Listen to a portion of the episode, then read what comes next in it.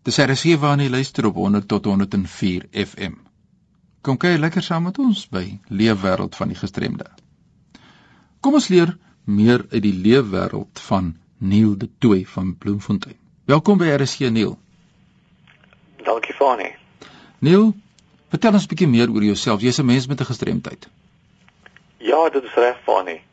Ja Fani, ek het uh, groot geword um, op 'n klein dorpie by die Brand daar skool gegaan later in op Ficksburg gematrikuleer, toe weermag toe, my tyd daar gedoen en toe by die vervoerdienste gewerk. En uh daarna het ek eers gestremd geraak. Nou vertel ons 'n bietjie van hoe jy gestremd geraak het. Vania, ons het gaan kuier by 'n vriend van my op sy plaas naby die Lesotho grens en ons het op die Saterdagmiddag lekker gespeel saam met die kinders en ek het 'n paar salto's gemaak op die grasperk en verkeerd geland en so toe twee nekwervels gebreek. Ehm um, en dit het veroorsaak dat ek 'n kwadripleeg is. Nou ja, dit moes 'n groot skok vir jou gewees het en wat het jy toe gedoen nadat jy gestremd geraak het? Ja, Fanny, dit is eintlik baie traumaties want daai tyd ook uh, het ek nie voldoende voldoende diens gehad nie. So ek is afgedank by my werk en uh, ek het toe maar eers by 'n beskermde werkswinkel gewerk en genadiglik was ek baie dankbaar dat ek uh, by IPD of die vereniging vir persone met gestremthede in Bloemfontein werksaam kon raak en daar het ek vir 'n geruime tyd gewerk. En toe het jy vorentoe gekyk en jy het baie ander uitdagings aangepak en wat het toe gebeur? Ja, ek en 'n vriend van my het toe in so in 2001 ons eie besigheid begin en ons bemark maar produkte rolstoele en dis meer aan gestremde mense en ook mense wat bejaard is. So dit is 'n redelike wye veld wat ons dek. So jy gee mense raad uit jou eie perspektief as 'n mens met 'n gestremdheid teenoor 'n ander gestremde, is dit reg? Dit is korrek Fani. Ja, weet ek dink as 'n mens uh self weet waaroor dit gaan, jy ken jou eie tekortkominge, so is dit makliker om 'n ander persoon behulpsaam te wees en die ander persoon aanvaar die hulp en die raad eintlik makliker en hy kan half met jou assosieer want want hy is ook maar in dieselfde situasie as jouself. Ja, dit is my altyd wonderlik om met mense te kan gesels wat uh, gestremd het of gestremd geraak het langs die pad en dan die terugvoer wat 'n mens dan kry oor hulle menings rakende gestremdheid en hoe hulle dit in die gemeenskap deel en terugploeg binne in die gemeenskap. Dis wonderlik Neil. En as ek nou vir jou sê watter raad gee jy vir 'n persoon wat dan nou 'n rolstoel benodig? Jy's nou self 'n rolstoel gebruiker, as ek dit so kan stel. Wat sê jy vir mense? Ja, Fanny, uh daar's baie verskillende rolstoele op die mark.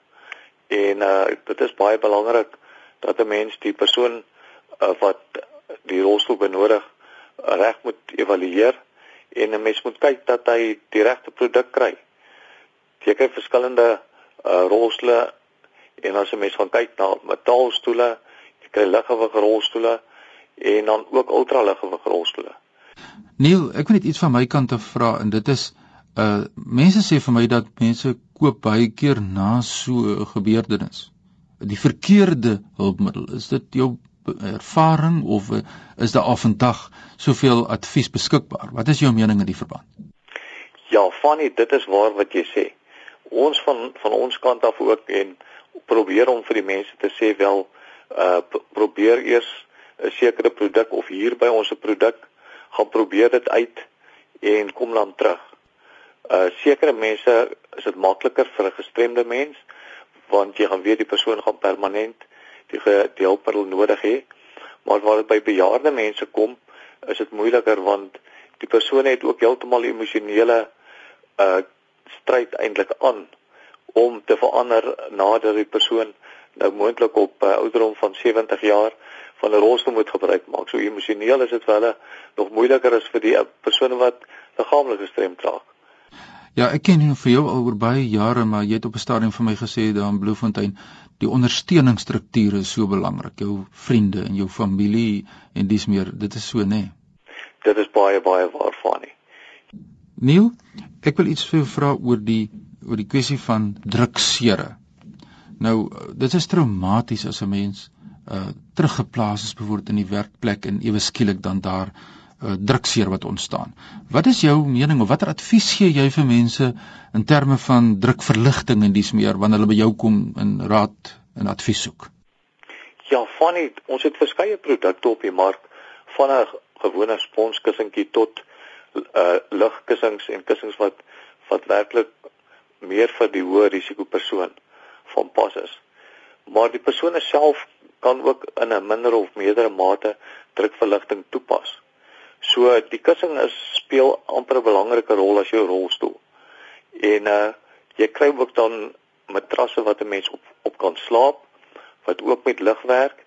Daar is ook tipe ander drukverligting hulpmiddels soos uh Legazano, dis 'n tipe spons, 'n Duitse produk. En dan is daar ook party mense wat nog glo in 'n skaapvel. En dan moet 'n persoon natuurlik voldoende draai op die bed en self ook daarom 'n bietjie drukverligting self toepas. So, maar dit alles saam help dat die persoon nie drukseer gaan hê nie, want 'n drukseer kan 'n persoon vir maande van 'n werkplek af weghou en baie koste da daaraan verbonde wees om dit te herstel. Ja, iemand het eendag vir my gesê dat 'n drukseer kan ontstaan deur 'n krummeltjie wat op 'n laken lê as iemand lankdurig daarmee kontak maak. Is dit maklik om 'n drukseer te kry, Neil? Ja, Fanny, ek dink die uh dit dit gebeur eintlik so on, ongesiens want wanneer die persoon op die oppervlak die probleem sien, is die probleem reeds binnekant in die weefsel geskep. En partykeer selfs 'n spinnekop byt of net 'n stamp kan dit begin en daar moet mense ook veral gestemde mense moet uh, monitor en maar seker maak en kyk of jou liggaam altyd nog mooi skoon is en alles is reg en al daar is nie merkies nie en anders moet 'n mens maar 'n tydjie afknip en uh, dan maar 'n bietjie langer vroeër in die aand gaan lê op die sye draai en al die tipe van goeders moet 'n mens maar doen. Ja, en wat nou by ons aangesluit het, ek gesels met Neil de Tooy van Bloemfontein en ons leer uit sy leefwêreld en jy moet 'n pen en papier byderhand hou want aan die einde van die program gaan ons ook kontakbesonderhede deurgee. Neil, jy sê nou jy is betrokke in die verskaffing van hulpmiddels en jy het genoem dat dit kan gehuur word. Wat kan alles gehuur word?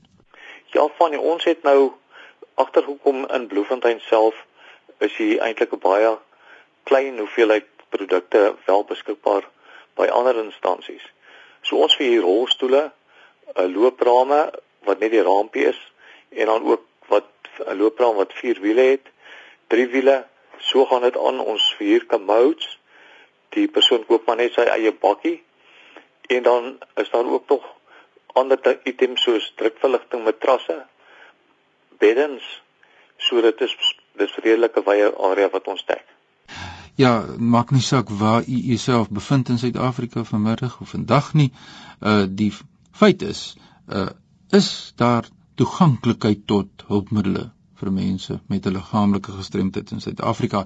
Ons hoor graag wat u mening is oor die beskikbaarheid, die bekostigbaarheid en die bereikbaarheid dan van hulpmiddels vir mense met 'n liggaamlike gestremdheid. Neil, die tyd het op so vinnig verby. Ons is nog so 2 of 3 minute oor in ons program. Wat sou jou boodskap wees? uh, buite wat luister vandag wat self deur gestremdheid geraak word en uh, wat uh, dit gebeur het wat met jou gebeur het en nou die pad moet loop vorentoe. Wat het jy geleer uit die afgelope klompe jare? Dis al 'n geruime tyd. Ja, Fanie, ek, ek het uh, nou die dag vir 'n persoon wat amper genoem en weer en sê as 'n mens net gestremd raak, dan wonder mens wat gaan nou gebeur? Wat is ons toekomsverwagtinge? En uh ek dink die belangrikste is net uh die lewe gaan aan. En uh ek, ons moet positief bly. Ons moet altyd kyk vir geleenthede. Ehm um, en dit is belangrik dat 'n mens 'n werk het. Maak nie saak of dit nou 'n hoogs besoldigde werk of minder hoogs besoldigde werk is nie. Mens moet aan die gang bly, 'n mens moet in die gemeenskap betrokke raak. Veral as mense uh, kort gestremd is by sport betrokke raak en by instansies vir gestremde mense. Dan ook ander dingetjies. As 'n mens werklik mooi om 'n mens rond kyk en 'n mens sien ander mense rondom 'n mens, weet jy dan kan 'n mens werklik by mense eie seringe eintlik uh, raak sien en sien dat ons eintlik soveel baie positiewe dinge het waarvoor ons eintlik kan lewe. En uh positiwiteit dit maak sommer 'n groot verskil in enige persoon en ook in jou eie lewe. Ja, dit is die woorde van Neil de Tooy van Bloemfontein en as ek kan saamvat, Neil sê jy ons moet uh, nie te veel fokus altyd op dit wat ons verloor het nie, maar fokus op dit wat ons oor het. Dit het daarvan maak. Neil, as mense jou wil kontak en uh, wil met jou skakel, waar kry hulle aan die hande? Ja, Fanny, ehm um, ek kan 'n telefoonnommertjie gee. Dit is uh 051 522 1874 of dan ook 'n e-pos. Dit is burgundy. Dit is B U R G U N D Y @polka p o l k a.co.za. Alles klein lettertjies. Geef ons net daai telefoonnommer weer deur. 051 522 1874.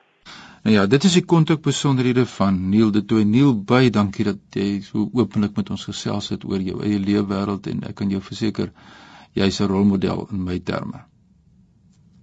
Annie, voorspoed met die met die met die wonderlike werk. Dankie Neil. Nou ja, as ons wil luister na gestremdheid oor oorgestremdheid, dan kan ons so lekker luister na mense wat so kan gesels oor dit wat altyd nouste raak. So asseblief as jy 'n storie het om te vertel, maak nie saak waar jy jouself bevind in Suid-Afrika nie, stuur sommer nou 'n e-pos aan my by fani.dt@mweb.co.za. Ja, onthou ook hierdie program word woensdaeoggende om 3:15 herhaal. Tot volgende week. Groetnisse uit Kaapstad.